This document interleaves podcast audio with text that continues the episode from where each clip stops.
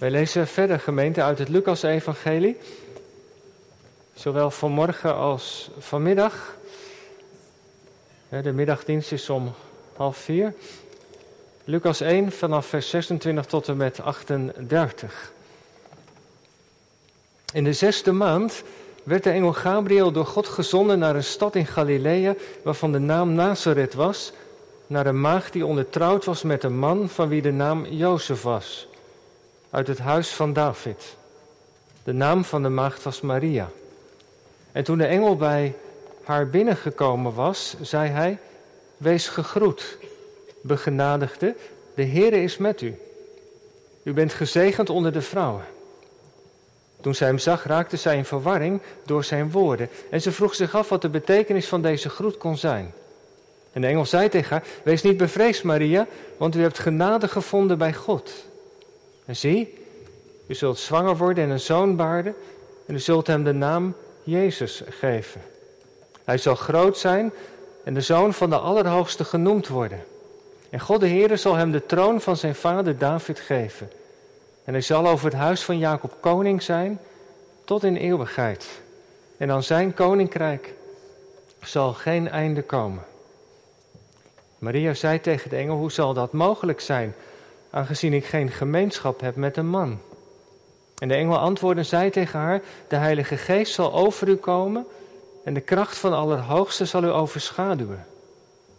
Daarom ook zal het heilige dat uit u geboren zal worden, Godzoon genoemd worden. En zie uw nicht Elisabeth is eveneens zwanger van een zoon in haar ouderdom. En dit is de zesde maand voor haar die onvruchtbaar genoemd werd. Want geen ding zal bij God onmogelijk zijn. Maria zei, zie, de dienares van de Heere, laat met mij geschieden overeenkomstig uw woord. En de engel ging van haar weg. Tot zover de lezing van het evangelie. Genade, dat is dat God naar je omziet.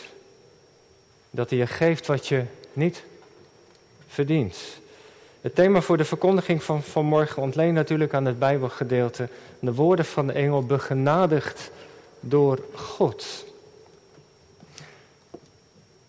Gemeente van Christus, u hier in de kerk thuis met ons verbonden. Meestal maken we van de bijzondere dingen in ons leven een fotoboek mooie vakantie, een jubileum, misschien van je huwelijk. Of dat er kan ook van een geliefde die er niet meer is. Je hebt het gemaakt om aan anderen te kunnen laten zien, om ze iets te kunnen laten delen van wat je hebt meegemaakt, van wat je hebt gezien, van wat je hebt ontvangen. En zo'n fotoboek is meestal ook wel chronologisch. Je gaat van het begin naar het einde, al die verschillende belangrijke momenten van een vakantie of van je leven komen daarin voorbij. Het is een prachtige herinnering, een mooi getuigenis, zo'n fotoboek, als je tenminste de gewoonte hebt om er af en toe eens een te maken. Je zou de eerste hoofdstukken van het Evangelie van Lucas kunnen vergelijken met zo'n fotoboek. Lucas laat als het ware verschillende plaatjes zien van wat er in de eerste eeuw is gebeurd. Hij neemt ons mee in de gebeurtenissen in een zekere zin chronologisch. Op de foto's zie je mensen, wat ze zeggen en wat ze doen. Maar de rode draad in het boek, dat is de genade van God. God die werkt aan zijn heilsplan. En stapje voor stapje, bladzijde voor bladzijde, foto voor foto, krijgen we daar meer zicht op. Op de eerste foto zagen we Zacharias. Op de tweede foto vandaag Maria. Maar dan gaat het verder over Elisabeth, over de geboorte van Johannes. We komen op een foto de herders en de engelen tegen. De Jezus die geboren wordt. De kribbe, Simeon en Anna. Ten slotte Jezus en zijn ouders. Heel dat fotoboek gaat over dat heilsplan van God, hoe zijn genade werkt in een donkere tijd.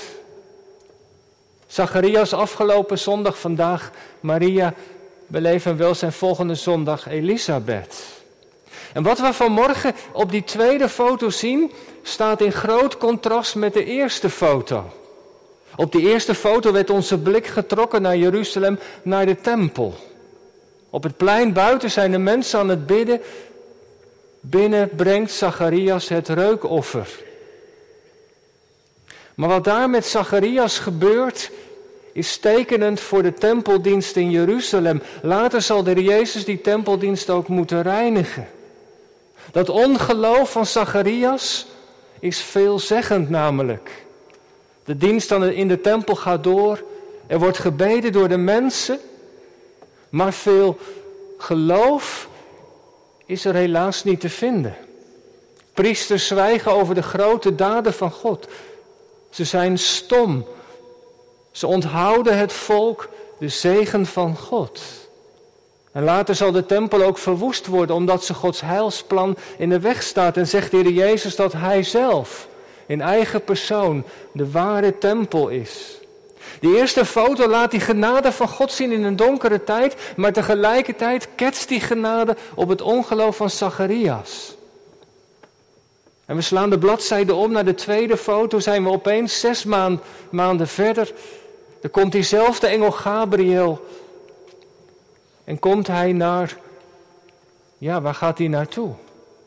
Naar een klein dorpje Nazareth in de streek noorden van Israël, Galilea. Helemaal weg van het centrum, ergens in de uithoek van het land, daar is Gabriel te vinden in een klein dorpje dat in Galilea ligt, dat we kennen als het Galilea der heidenen, Nazareth, waarvan Nathanael zegt, kan uit Nazareth iets goeds komen. Daar wonen heel veel mensen die ja, andere goden dienen, die niet echt het behoren tot het Joodse volk. Daar op die plek, ja, daar moet de engel naartoe. De boodschappen van God. Dat is dus een geweldig contrast tussen de eerste en de tweede foto. En bovendien gaat hij naar een jong meisje, 15 jaar, 17 jaar misschien, verloofd, nog niet getrouwd. En zij mag de moeder zijn van de Messias, de beloofde redder. Daar moet Gabriel zijn, op die plek, in het Galilea der heidenen, in een klein dorpje, bij iemand die niemand kent. En dat nou laat nou precies de genade van God zien. Dat klinkt ook in de woorden die de Gabriel spreekt. Wees gegroet, begenadigde, zegt hij tegen Maria, de Heer is met u. U bent gezegend onder de vrouwen. En Maria is verwarring nog niet eens zozeer over de verschijning van de engel, maar de woorden die tegen haar worden gezegd. En dan haalt hij het nog een keer. Maria, wees niet bang. Je hebt genade gevonden bij God. Het zijn bijzondere woorden die klinken uit de mond van Gabriel. Allereerst al dat wees gegroet. Althans, zo is het vertaald. Gaire in het Grieks betekent verheug je. Verheug je, Maria.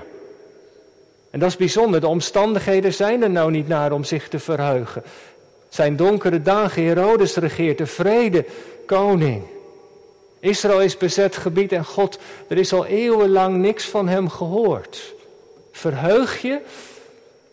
Ja, toch wel. Want de Heere is met je. En weet u, dat maakt alles anders. Genade is dat God naar je omziet.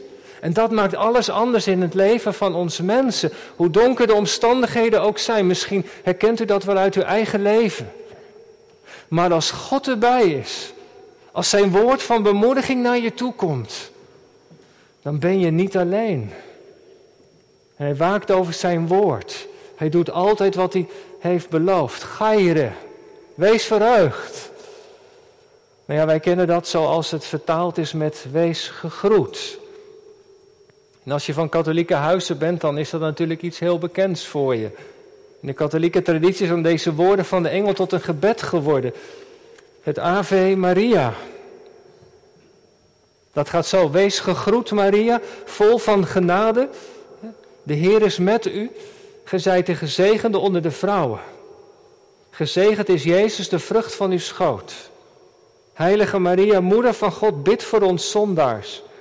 Nu en in het uur van onze dood. Amen. Het wees gegroet, het Ave Maria. Uit dat gebed blijkt wel de bijzondere positie van Maria. Onze katholieke broeders en zusters zien haar als een voorbidster, een soort middelaar.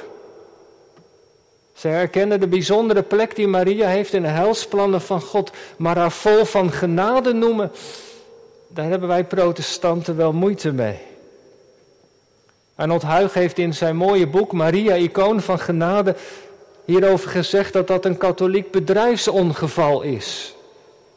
Omdat de katholieken de vulgaatvormen die dat Griekse woordje begenadigd vertaald hebben met plena gratia, vol van genade.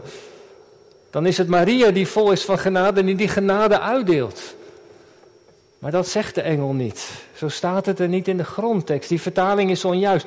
Maria is juist ontvanger van de genade. God is de bron van alle genade. En die genade komt naar dat jonge meisje daar.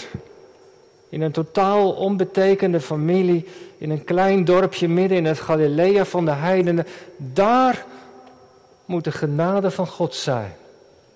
Niet omdat ze bijzonder geschikt is, maar omdat God haar heeft uitgekozen. Zijn genade zoekt juist mensen die met lege handen staan, die niet geschikt zijn in zichzelf. Maria is de ontvanger van de genade van God. Maar goed, ze is wel bijzonder, zeker. Want niemand in de wereld heeft zo'n bijzondere plek in het heilsplan van God gekregen. Je zult maar de moeder van de Messias mogen zijn. En daarom is ze gezegend en zullen alle geslachten haar zalig prijzen, dat wil zeggen gelukkig prijzen.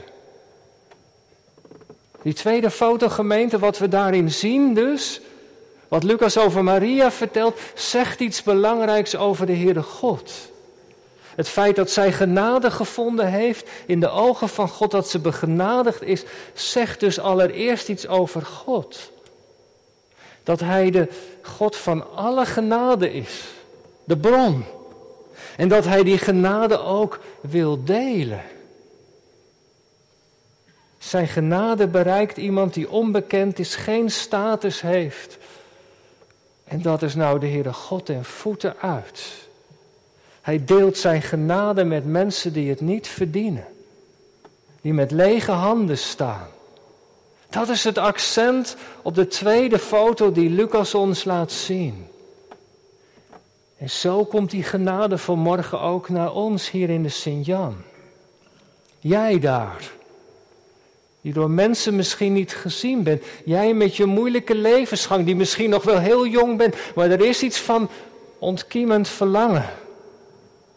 Jij die misschien de Heere God helemaal nog niet zoveel te bieden heeft. Misschien wel helemaal niks door je verleden. U daar, die daar in de bank zit met uw levensgang, met uw zonde en uw wonden.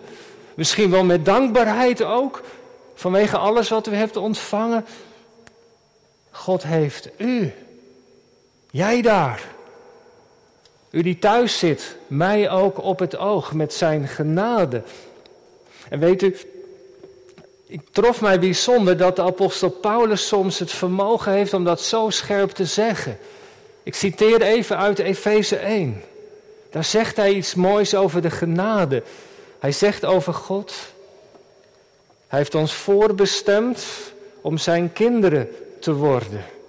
Door Jezus Christus, hè, door het geloof in Hem, zijn we tot kinderen van God geworden. Het geloof is de verbindende schakel. Dat appel op geloof is er altijd.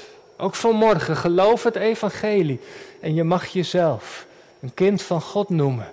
En Paulus voegt er dan aan toe. Dat is overeenkomstig het welbehagen van zijn wil. Dat verlangde God nou zo. Om ons, ons met ons verleden tot zijn kinderen aan te nemen. En dan komt het zinnetje, tot lof van de heerlijkheid van zijn genade. Daarin schittert, zegt Paulus, de genade van God, waarmee hij ons begenadigd heeft in de geliefde. De genade waarmee hij ons begenadigd heeft in de geliefde. Nou, dat is eigenlijk wat Lucas vertelt, wat op dat, dat tweede foto staat. Daarin schittert de genade van God, die mensen opzoekt waar ze zijn die het niet verdienen. En zo mocht Maria als eerste de ontvanger zijn in het nieuwe verbond van die genade van God om de moeder te zijn. Van Hem, die vol is van genade, plena gratia, in de persoon van Jezus. Die genade die, die haar opzocht, is de genade die in het leven van de Heer Jezus ook naar ons toe is gekomen. Die genade is voor iedereen beschikbaar. Of je homo bent of hetero, jong of oud, man of vrouw. Maria is een icoon van die genade van God. Omdat God het aan haar laat zien. Omdat God via haar laat zien dat Hij een God is van genade. En die wil Hij met elk mensenkind delen. En wij zien dat vanmorgen in het bijzonder. In het tekenen van brood en wijn. Wij vieren het avondmaal. Dat is de tafel van de genade. Als Jezus ons nodigt aan zijn tafel, kom, want alle dingen zijn gereed, dan is dat genade. Als Hij ons laat proeven van zijn lichaam, is dat genade. Als Hij ons laat delen in zijn vergeving en door de geest in de vernieuwing, is dat genade. En ik zou zeggen, lieve broeders en zusters, laat u dat niet ontgaan vanmorgen. Dat in het evangelie, in het avondmaal, de genade van God centraal staat. Die is er voor u, voor jou en voor mij. En daarom leg af wat niet goed is en je hindert. En kom maar met lege handen. Hoe leger ze zijn, hoe meer je zult kunnen ontvangen. Want dankzij Christus hebben wij genade gevonden bij God. Ja, geloof het. En wees gezegend. Amen.